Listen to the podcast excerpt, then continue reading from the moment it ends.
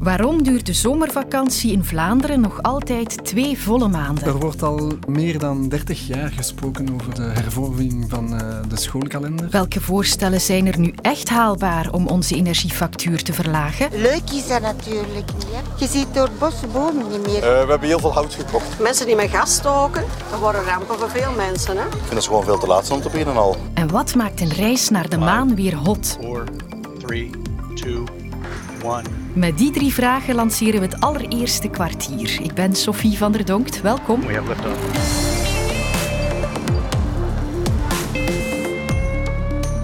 Nog geen 1 september vandaag, maar er zijn in België wel al veel kinderen en leerkrachten naar school vertrokken. Want in Franstalig België begint het schooljaar nu op de laatste maandag van augustus. Een kortere zomervakantie dus, maar tegelijk ook een langere herfst- en krokusvakantie van twee weken. Deze morgen was verschrikkelijk. Ja, ja, het was pijnlijk. Om half zeven de wekker en om zeven uur de metro. En dat was uh, erg. Dat is dus vandaag wel even aanpassen. Ook voor Katrien Nijs. Zij geeft les in een Franstalige basisschool in Brussel. En moest er dus vandaag al aan beginnen vooral gek, omdat al mijn eh, collega's en vrienden in, in, in, Vlaanderen, die, die moeten nog niet beginnen en wij al wel. Maar een keer dat het begonnen is, dan is, dan is het begonnen. Hè. Onze lange vakantie is korter, maar onze korte vakanties zijn langer. Ik vind het zeker goed, want eigenlijk één week vakantie, dat, dat vliegt voorbij, terwijl dat twee weken vakantie is echt even eruit. Dat blijft raar dat dus augustus al school is. En ik denk dat dat volgend schooljaar zelfs ook nog raar gaat zijn, omdat wij dat zo gewoon zijn dat die twee maanden... Ja, augustus is nog nooit school geweest. En ik denk dat het zeker eind juni gaat het heel raar zijn dat 30 juni voor ons nog niet gedaan gaat zijn dat gaat even pijnlijk zijn. Maar uh, ja, kom, dat went wel. Snoeien in de zomervakantie. Waarom hebben de Franstaligen dat eigenlijk beslist? RTBF-collega Baptiste Dupin legt het uit in een dikke minuut. De bedoeling van de hervorming is om een betere balans tussen schoolperiodes en vakantieperiodes aan de leerlingen te bieden. Het idee is echt om uh, kortere zomervakanties te hebben, om uh, het achterstand van sommige leerlingen zoveel mogelijk in te perken. Het wordt bewezen dat veel leerlingen aan kennis en taalvaardigheden verliezen tijdens de, de lange zomerbrek. En met die hervorming uh, willen ze dit achterstand aanpakken. Het idee is dus dat er zeven weken school komen en daarna twee weken vakantie. Er zijn ook een aantal nadelen. De leraren vrezen voor een grotere werkdruk, want de zomervakanties korter zijn. Een ander nadeel is de organisatie van heel veel gezinnen waar de twee ouders werken. Wat zullen ze dan doen tijdens de langere herfst- en krokusvakantie? En er is nog een laatste probleem.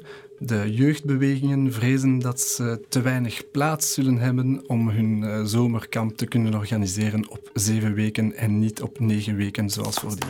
Ja, de eerste vraag die veel mensen daarbij hebben is natuurlijk, gaat dat in Vlaanderen ook veranderen? Voorlopig lijkt het uh, daar niet op. Onderwijsexpert Dirk van Damme. Eensgezindheid over een kortere zomervakantie is er in Vlaanderen niet, hè? Nee, uh, minister Wijts heeft eigenlijk de bal teruggespeeld naar de stakeholders, zogezegd, naar het onderwijsveld, maar ook naar de jeugdsector, culturele sector, toeristische sector. En die bevraging is eigenlijk ja, geresulteerd in een standpunt dat er momenteel geen draagvlak voor is. En dat veel mensen het eigenlijk niet het moment vinden om uh, aan de organisatie van het schooljaar en meer in bijzonder de zomervakantie te gaan sleutelen. Dus op dit moment zie ik niet dat het gaat veranderen. Het zal toch nog wel een aantal jaar duren. En ondertussen zal men vanuit Vlaanderen natuurlijk de ontwikkelingen in Franstalige gemeenschap goed opvolgen. En misschien ook kijken naar wat er in andere landen gebeurt. Ja, want we lopen een beetje achter op dat vlak. Er zijn veel andere landen, buurlanden, Europese landen, die het wel al met een ingekorte zomervakantie doen. Ja, laatste in de rij, denk ik, is Frankrijk geweest, die ook geen echt drastische terugschroeven heeft gedaan, maar toch naar acht weken maximum is gegaan. Duitsland, uh, Nederland zitten op uh, zeven weken, soms zelfs iets minder. Zwitserland, uh, ik heb kleinkinderen die in Zwitserland wonen, die zijn al een, meer dan een week aan de slag. Maar ik begrijp dat we hier in Vlaanderen de kat uit de boom gaan kijken dan? Ja, wel, dingen veranderen in onderwijs is uh, altijd heel moeizaam in het algemeen, niet alleen op dit dossier. In Vlaanderen speelt met name het belang van de jeugdsector een grote rol. De jeugdbewegingen zijn heel ongerust dat ze hun klassieke zomerkampen niet meer gaan kunnen organiseren, dat er een grotere concurrentie zal zijn op terreinen om, zomerkampen te organiseren. Ja, dat speelde blijkbaar ook in Franstalig België. Ja, dat is een argument dat daar ook gespeeld heeft. Maar ik denk dat in Franstalig België de politieke wil heel duidelijk aanwezig was uh, in het kader van het uh, Pact pour l'Excellence. Heeft men daar een heel sterke politieke wil gehad, die ook door een aantal maatschappelijke organisaties, de vakbonden enzovoort, is ondersteund. Als een van de maatregelen om die onderwijskwaliteit naar boven te halen en ervoor te zorgen dat er meer gelijke kansen uh, zouden zijn. Dus de politieke wil is daar vanzelfsprekend een belangrijke factor in ja, die is er voor ons nog niet in Vlaanderen. Er is eigenlijk niemand langs politieke kant geweest die zich heel nadrukkelijk heeft uitgelaten in, uh, voor een kortere zomervakantie. En dan blijven juli en augustus dus nog wel een hele tijd vakantiemaanden bij ons in Vlaanderen. Dank je wel, Dirk van Damme. Graag gedaan. Keren even terug naar vorige week toen onze premier dit zei. Het zal een moeilijke winter worden en de komende winters zullen denk ik over het algemeen uh, moeilijk worden. Maar als land kunnen we dit aan. Maar ik denk dat we ook, uh, ook moeten, uh, moeten transparant zijn. Het zullen, het zullen moeilijke maanden worden. En het was misschien niet zijn bedoeling, maar door meteen een reeks moeilijke winters aan te kondigen, vijf tot tien, zei hij op een bepaald moment, sloeg de schrik er bij veel mensen toch in. En de afgelopen dagen regende het ineens politieke voorstellen om onze energiefactuur betaalbaar te houden. Maar hoe haalbaar zijn die voorstellen nu? Thijs van de Graaf, energie-expert aan de UGent. Ik laat u een aantal voorstellen horen die de revue gepasseerd zijn. Laten we hiermee beginnen. De prijs om elektriciteit te maken en de prijs om elektriciteit te verkopen staat totaal niet meer in verhouding. En er zijn een aantal bedrijven die hier echt heel rijk van worden. En het is die overwinst die we er eigenlijk op een preventieve manier uh, bijna uh, willen uithalen door dat prijsplafond te kunnen opleggen.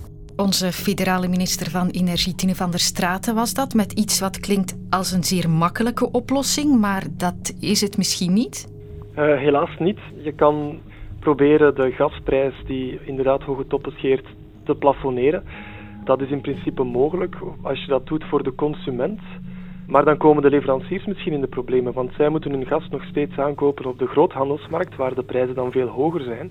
En dus gaat de overheid dan misschien die, die gasleveranciers moeten ondersteunen. En uiteindelijk is het dan toch de, de belastingbetaler die, die uiteindelijk de factuur indirect uh, weliswaar dan toch gepresenteerd krijgt. Ja, een prijsplafond is dus niet zo evident. Dan heb ik nog een fragment voor u. Egbert Lachaert, voorzitter van Open VLD. Hij vindt dat we moeten overwegen om de kerncentrales Doel 3 en Tiange 2 langer open te houden. Maar eigenlijk zou Doel 3 eind september al dichtgaan. We zitten nu met een gigantische crisis in Europa en wij vragen dat de regering aan Engie zou vragen niets te doen waardoor het definitief onmogelijk wordt om die reactoren misschien nog een toekomst te geven. Wat denkt u? Is het nog mogelijk om die kerncentrales langer open te houden?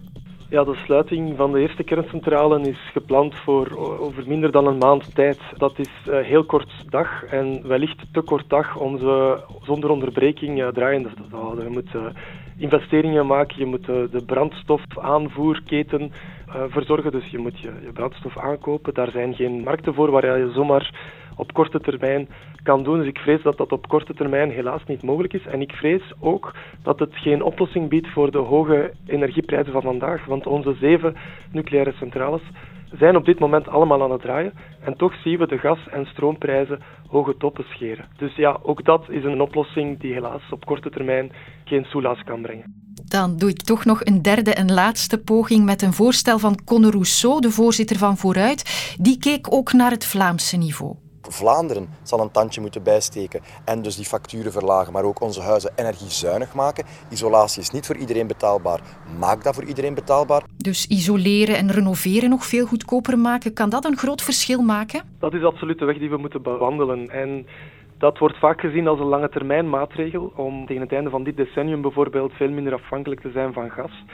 Maar als de overheid daar echt zijn schouders onder zet en ik zeg maar wat renovaties gaat prefinancieren, dat wil zeggen de kosten volledig dragen voor eindverbruikers, dan kan er een hele renovatiegolf op, op gang komen die maakt dat die uitspraak van uh, premier De Croo, namelijk dat we vijf tot tien winters moeilijke tijden gaan beleven, dat dat niet waar zal zijn en dat die renovatie veel sneller op gang komt. En uiteindelijk is dat de beste manier om energie te besparen. Ook op korte termijn trouwens denk ik dat we niet om besparing heen kunnen om uh, ja, die prijzen uiteindelijk te drukken. Dat isoleren en renoveren, dat wordt voor deze winter wel krap, hè? om dat nog allemaal te regelen, dat goedkoper maken? Ja, maar anderzijds, de energieprijzen zijn al een jaar enorm aan het stijgen. Dus we zitten al een jaar met die hoge energieprijzen. Waar gaan we volgend jaar staan? Waar gaan we binnen twee jaar staan? Ja, we hopen dat die renovatiegolf toch op gang komt. De helft van het gas dat wij verbruiken wordt gebruikt in gebouwen voor verwarmingsdoeleinden. Dus ja, dat, dat is wel een heel belangrijk deel van de vraag. En het zal uiteindelijk ook afhangen van het tempo waaraan dat wij die renovaties kunnen doorvoeren.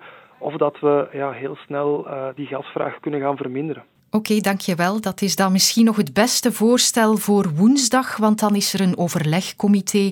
Niet meer over corona dus, maar over de nieuwe crisis, over energie. Al wordt die eerste vergadering vooral een kwestie van bekijken en bespreken en nog niet van beslissingen nemen wellicht. Een quizvraag. Wanneer stond er voor de laatste keer een mens op de maan? Dat was in 1972, al 50 jaar geleden dus. Vandaag was dan het startpunt van een nieuwe missie met een testvlucht om over een paar jaar weer astronauten op de maan te brengen. Om dus nog een keer te doen wat in 1969 voor de allereerste keer gelukt was. Even luisteren hoe dat klonk en hoe dat in het geheugen gebeiteld staat. launch control, we passed the six-minute mark in our countdown for Apollo 11. The flight to land of the first men on the moon. Ten, Ik weet het nog heel goed. Ik zat in de lagere school en we hadden uh, een, een plakboek met actualiteit. En dus mijn hele plakboek ging vol met foto's van de maanlanding. We hebben het ook echt op televisie gezien. Iedereen zat voor de televisie. Echt nog zwart-wit beelden, maar ja, iedereen sprak erover. 11, this is Houston. You are go for TLI, over. Hallo 11, thank you. Roger that. Het idee dat dat hemellichaam, dat, dat bolletje, dat daar iemand op stond en dat hij daar dan stapte en, en, en door de lucht zweefde. Ja, dat was ook geweldig, hè? Die, die grote stappen. It's one small step for man, one giant leap for mankind. Ja, de legendarische uitspraak van Neil Armstrong, de eerste man op de maan, meer dan 50 jaar geleden al. Maar jammer, jammer, de nieuwe testvlucht van vandaag is al afgeblazen. Hetty Helsmoortel, jij bent een wetenschapsfanaat. Vind je het jammer? Ja, nee. Uh, ik zat klaar met mij zeer vele anderen uh, wereldwijd achter schermen of computers of iPhones. Uh, ja, nee, blijkbaar een, een, groot probleem met een van de vier motoren. Ja, dan heeft het ook geen zin. Hè. Dat is een missie van gigantische miljoenen dollars. Dus ja, dan is het uiteraard beter om, om op veilig te spelen. Maar goed, het zal dan wel voor over enkele dagen zijn, denk ik, de nieuwe testvlucht. Wat is het doel van de missie? Dit is een testvlucht om langs de maan te gaan vliegen, om te kijken of de nieuwe raket werkt, of de nieuwe capsule doet wat hij moet doen. Dan in 2024 komt er een eerste bemande testvlucht. Dus nu zijn er uh, dummypoppen in de capsule geplaatst. Dat zullen in 2024 echte astronauten worden, die ook nog niet op de maan gaan landen, maar er ook rond gaan vliegen. En dan de laatste, de Artemis 3-missie. Daar moeten effectief mensen op de maan gaan landen voor het eerst sinds 19 72, want dat was al de laatste keer.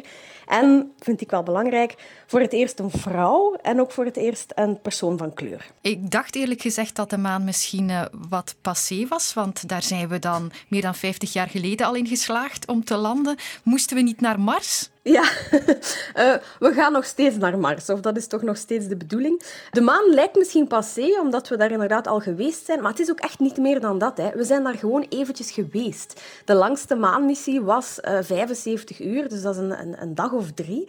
Wat nu het plan is om daar veel, veel langer te gaan verblijven. Hè. Ze willen daar een permanente maanbasis gaan bouwen. Waarom? Om daar technologie te gaan uittesten om later eventueel naar Mars te kunnen reizen. Want we weten nog gigantisch weinig over ja, die ruimtestraling. Hoe moeten wij ons daar voeden? Wat moeten wij gaan drinken? Kunnen wij wel tegen die wisselende temperaturen? Dus dat moet allemaal op de maan uitgezocht worden als opstapje naar Mars. Dus dat is één. Twee, ja, we willen ook toch nog heel wat onderzoek doen. Hè. Dat is een, een satelliet van ons die, ja, die vrij veel informatie kan prijsgeven over hoe dit heelal ontstaan is, hoe onze aarde en onze maan ontstaan zijn. Dus echt puur ja, wetenschappelijk. Maar er is ook een beetje een economisch luik waarschijnlijk. En dat is dat er toch steeds meer gesproken wordt over het gaan exploiteren van de mineralen die waarschijnlijk op de maan te vinden zijn. Dus dat is ja, voor een groot stuk voor Amerika, waarschijnlijk ook voor China, een ja, een, stuk een economisch verhaal wat, wat daar ook aan vasthangt. Artemis is nog niet vertrokken vandaag. Wij houden ook de voeten op de grond en we zijn er morgen gewoon terug. Tot dan. Luister ook naar de podcast van de week, waarin Stijn van de Voorde zijn licht laat schijnen over het popnieuws samen met een bekende gast. Nu in de app van VRT Max.